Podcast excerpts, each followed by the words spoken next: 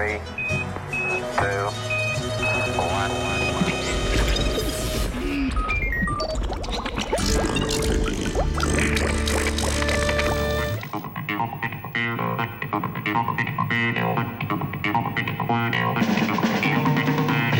Čarovnija norih gobic.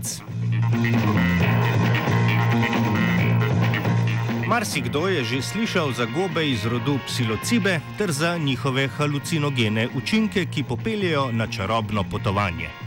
Dolgo nihče ni poznal čarovnije, ki se skriva za norimi gobicami.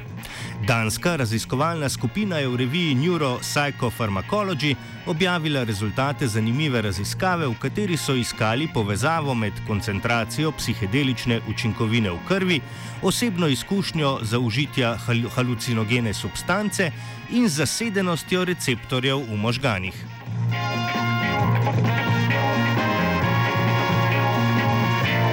Najbolj zanimiva molekula v čudežnih gobicah se imenuje psilocibin.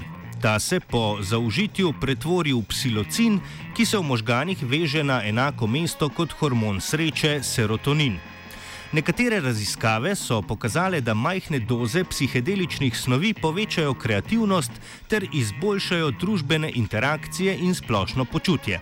Zato je psilocibin ena izmed potencialnih možnosti za zdravljenje nekaterih neuropsihiatričnih bolezni, kot sta depresija ter odvisnost od nikotina ali alkohola. Preden bi molekulo lahko uporabili v medicinske namene, jo morajo znanstveniki in znanstvenice dobro spoznati in odkriti učinkovito metodo merjenja vpliva psilocibina na možgane.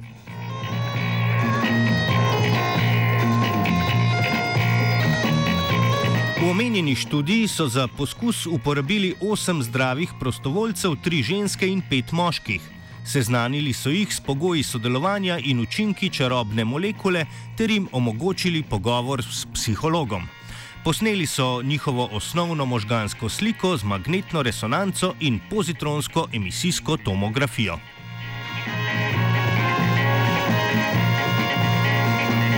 Testiranci so dobili od 3 do 30 mg velike odmerke psilocibina. To so razmeroma velike količine, saj za manj intenziven trip zadostujejo že 3 mg te substance. Eno uro po zaužitju so spremljali možgansko aktivnost s pozitronsko emisijsko tomografijo ter merili koncentracijo psilocina v krvi.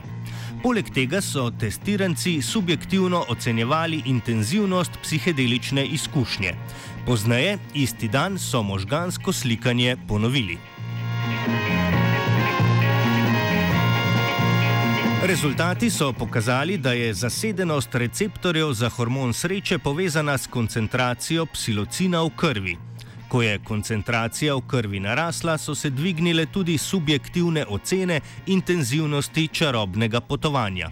Ena molekula psilocina stimulira en receptor za serotonin. Stimulacija receptorjev pa je poglavitna za psihedelični učinek, ki ga lahko spremljamo tudi z analizo krvnih vzorcev. S temi podatki raziskovalci v nadaljnih študijah s psilocibinom ne bodo več potrebovali slikanja možganov, temveč bodo morali le izmeriti njegovo koncentracijo v krvi.